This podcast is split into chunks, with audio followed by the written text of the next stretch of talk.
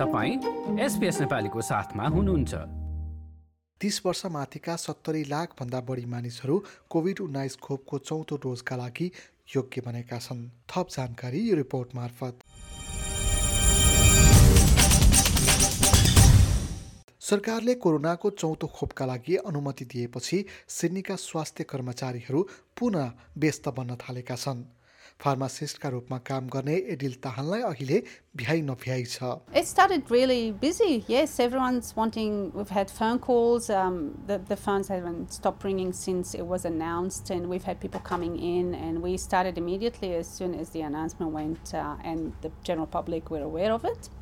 We started vaccinating. We had a very busy weekend. But obviously, uh, the the uh, wider ranging uh, availability of the vaccine, uh, the fourth booster has made it much easier, and a lot more people qualify. Almost 7.4 million people now qualify. माग अनुसारको खोप उपलब्ध गराउन मुस्किल परिरहेको उनले बताइन् उनी मात्र होइन फार्मेसी सञ्चालन गरिरहेका उनका अन्य साथीहरूको अवस्था पनि उस्तै रहेको उनी बताउँछिन् I actually just drove uh, to Penania, which I've never been there, so I found out where it is to get some vaccines, and I'm just about to go to Abbotsford to get some more.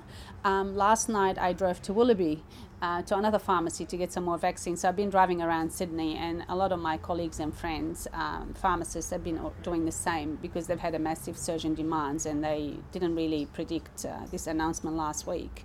So again, we, we need more support right now, and every healthcare professional at the front line who is vaccinating does require um, the vaccine.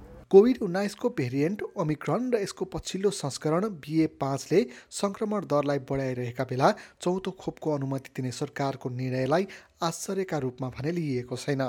स्वास्थ्य मन्त्री mark पुटलर नयाँ भेरिएन्टको जोखिम बढिरहेका बेला चलाखीपूर्ण निर्णय गरिएको बताउँछन् The really troubling thing about this is that it appears to evade immunity that people generally get from having COVID before. So, just because you had COVID earlier this year doesn't mean you're protected from these new subvariants. We're seeing substantial numbers of reinfection from people who, who had it earlier this year. So, case numbers are going to continue to climb, is the advice of all the chief health officers. Hospitalisations, unfortunately, will continue to climb as well, which is why we're acting so quickly to expand eligibility for that fourth dose of the vaccine, which starts today. That will boost your immunity, and also expanding access to antiviral medicines, which are critically effective at preventing people from getting severely unwell. Covid उन्नाइस खोपको तेस्रो डोजहरू महिनौँ अघि लगाइसकिएका कारण पनि सङ्क्रमण सङ्ख्या तीव्र रूपमा बढ्न सक्ने अस्ट्रेलियन मेडिकल एसोसिएसनका डाक्टर क्रिस मोय बताउँछन् there, there's almost no doubt we're going to get a nasty spike in not only cases but increases in number of people in hospital. Because again, what we know about BA4 and 5 is that it's faster in terms of more infectious.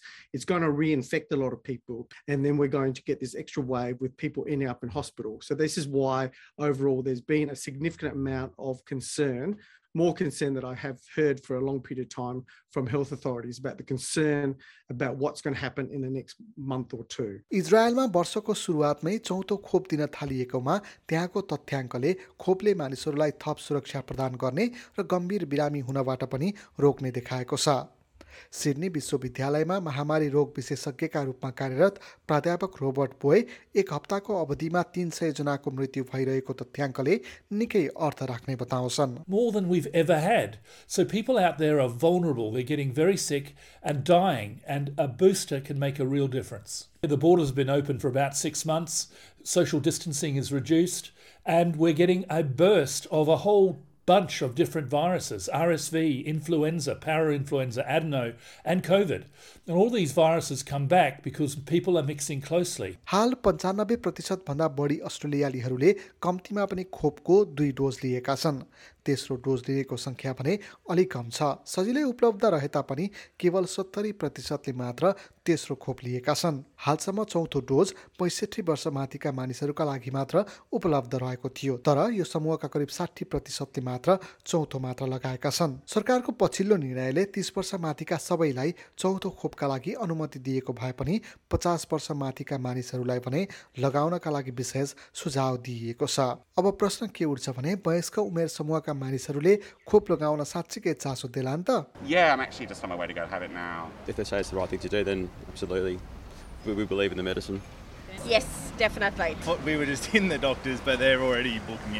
Pharmacist ताहन भने चिकित्सककोमा पुगी आफ्नो योग्यता जाँच गर्न अनुरोध गर्छिन् र योग्य भए खोप लगाइहाल्न उनी सुझाव दिन्छन्। लाइक र कमेन्ट गर्नुहोस्।